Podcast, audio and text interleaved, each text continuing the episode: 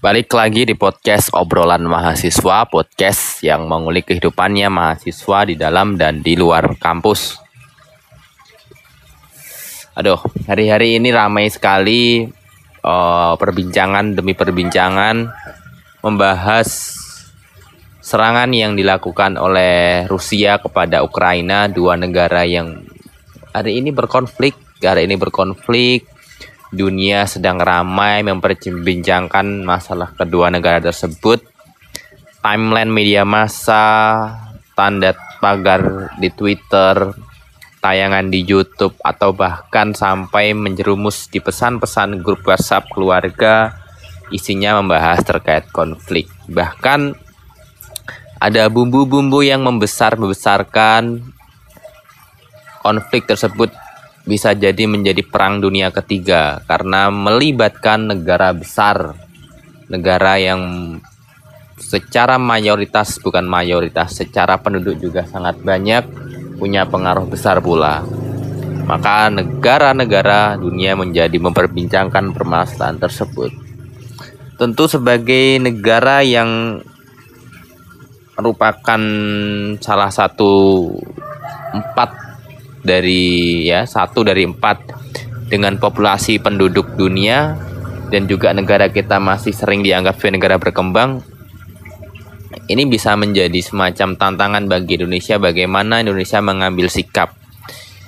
Politik Indonesia yang digagas Soekarno dulu bahwa bebas uh, dan aktif ya bebas untuk menentukan sikap keperpihakan dan aktif memperjuangkan perdamaian dunia merupakan salah satu kunci yang harus dipegang sampai saat ini. Bagaimana kita melihat konflik berdarah tidak henti-hentinya di Timur Tengah juga belum berhenti. Ditambah lagi sekarang ada konflik baru yang melibatkan dua negara Eropa ini, Rusia dan juga Ukraina. Sebagai mahasiswa, kita juga dituntut untuk memberikan semacam kontribusi agar tujuan bangsa Indonesia yaitu salah satunya dalam politik luar negerinya untuk aktif memperjuangkan kemerdekaan, maksud saya memperjuangkan perdamaian dunia ini juga harus terwujud. Terus lantas apa peran yang bisa diberikan oleh mahasiswa menyikapi konflik yang terjadi di antara dua negara yaitu Ukraina dan juga Rusia. Pertama, harus disadari bahwa uh, kita sebagai mahasiswa peran kita tak tak lebih dari sepadar penonton. Itu jelas, itu harus kita sadari bersama. Kita tidak bisa berkontribusi lebih menuangkan ide dan gagasan, memberikan pengaruh kebijakan seperti seperti saat ada um, maksud saya adalah konflik di dalam negeri. Ya misal konflik di dalam negeri yang melibatkan keputusan pemerintah dalam negeri. Ini karena keputusan ada di kebijakan luar negeri. Kita sebagai mahasiswa tentu tidak punya peran lebih. Hanya sekadar sebagai penonton dan juga penikmat. Itu aja. Karena tidak mungkin mengambil kebijakan sekali bervladimir Putin mendengarkan kita kita siapa? Ya kita siapa ataupun menteri luar negerinya Ukraina mendengar kita kamu siapa? Itu jelas tentu tentu sangatlah sangatlah jelas mereka akan memikirkan seperti itu. Kita siapa? Kita hanya masyarakat Indonesia biasa yang tidak punya power apa pun ataupun power yang sangat besar untuk mempengaruhi kebijakan politik luar negerinya negara Ukraina dan negara Rusia. Terus apa peran konkret yang bisa kita berikan agar tujuan perdamaian dunia ini bisa bisa diciptakan? Ya bisa terwujud. Bukan hanya ini menjadi bualan ini hanya menjadi omongan-omongan kita saya punya gagasan seperti ini ide seperti ini. Pasti konflik yang yang terjadi antara kedua negara tersebut bakal selesai itu sulit. Nah begini Hal konkret yang bisa kita lakukan adalah pertama dan saya tegaskan adalah menyaring informasi. Inilah sangatlah penting bagi kita semua. Bumbu-bumbu pemberitaan pada saat ada konflik ini sangatlah besar sekali. Misalnya trending di Twitter perang dunia 3. Kemudian mengungkit-ungkit masalah negara-negara tersebut yang kiranya ini hanya akan memperkeruh.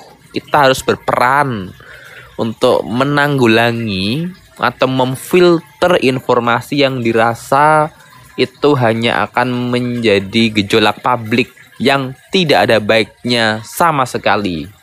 Apalagi buat negara kita. Kita menyadari sebagai penonton. Penonton yang penting kita tahu informasi yang sebenarnya terjadi. Yang penting ini kita bisa mengambil hikmahnya itu aja. Tidak lebih dari itu. Jangan sampai masyarakat Indonesia yang begitu heterogen ini mendapatkan asupan informasi yang berlebihan, mendapatkan asupan informasi yang tidak benar apalagi. Ini sangatlah buruk. Nah, maka tugas pertama mahasiswa adalah menyaring informasi. Baru informasi yang berhasil kita saring, kita punya peran untuk mencegah berita hoax, berita bohong. Kita harus menjadi mengcounter dengan cara membagikan informasi yang benar. Saya yakin konflik yang terjadi antara Ukraina dan Rusia ini menjadi ladang bagi media yang memburu berita. Ini sangat gampang dibesar-besarkan yang tidak perlu diungkit-ungkit itulah yang saya kira hanya akan memperkeruh ini masa sosial media. Kita sharing, kita saring ya, informasi yang kita peroleh kita saring, kemudian saumama itu berguna bagi masyarakat baru kita share. Ya kita share informasi tersebut kepada masyarakat Indonesia. Agar masyarakat Indonesia juga mendapatkan informasi bahwa ini loh informasi yang sebenarnya terjadi di sana. Terus apa eh, apa maksud saya yaitu bagaimana agar konflik ini tidak terjadi di Indonesia. Kita harus menyadari itu bagaimana solusinya apa hikmahnya kita harus mengambil itu. Karena kita juga masih punya PR loh ya. Jadi di sisi lain ada ada konflik antar negara di luar negeri kita sendiri masih punya PR yang harus diselesaikan. Kita masih punya PR bagaimana konflik terkait agraria yang tidak begitu yang tidak selesai-selesai konflik di Wadas Purworejo Jawa Tengah kemudian konflik di Pegunungan Kendeng Jawa Tengah ada juga di Pakel Banyuang itu lo belum terselesaikan. Kok kita mau apa mengurusi rumah tangga orang lain itu? Memang kita punya tujuan untuk perdamaian dunia tapi kita di dalam negeri sendiri belum damai loh ya. Kita di dalam negeri belum damai masih ada PR yang harus dikerjakan. Come on ayo kita selesaikan ini. Jangan kita malah mengurusi rumah tangga orang lain yang padahal kita tidak dianggap gitu loh ya. Kita mungkin hanya dianggap angin lalu. Mungkin peran akan lebih besar mungkin Amerika ataupun Cina negara-negara besar yang saya yakin bisa diperhitungkan dalam mem membuat rekomendasi kebijakan kepada kedua negara yang berkonflik tersebut. Itu teman-teman ya. Jadi peran kita nggak usah muluk-muluk lah. Kita tahu diri kita siapa. Kita tahu diri kita siapa kemudian kalau kita bergerak seperti apa ya. Kita harus tahu diri maka itu tadi saya jelaskan bolak-balik. Kita cukup menyaring informasi kemudian kita share informasi yang benar untuk mengcounter informasi-informasi yang salah. Jangan sampai kita hanya menjadi ladang, kita yang tidak menerima manfaatnya hanya mendapatkan dampak buruk dari konflik ataupun bahkan dari pemberitaan yang tidak benar dilakukan oleh media-media. Itu teman-teman ya.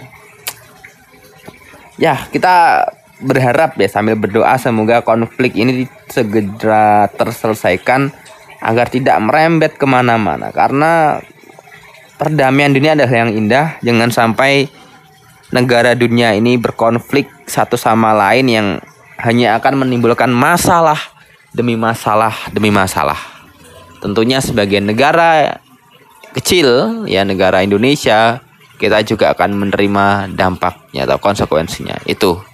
Kita bukan negara yang kecil ya, Sarlat. Kita negara kepulauan yang sangat heterogen juga akan menerima dampaknya. Itu teman-teman ya di episode kali ini ya memang saya ingin membahas terkait Ukraina dan Rusia. Sampai jumpa di episode selanjutnya. Simak terus obrolan podcast obrolan mahasiswa. Dan saya katakan see ya.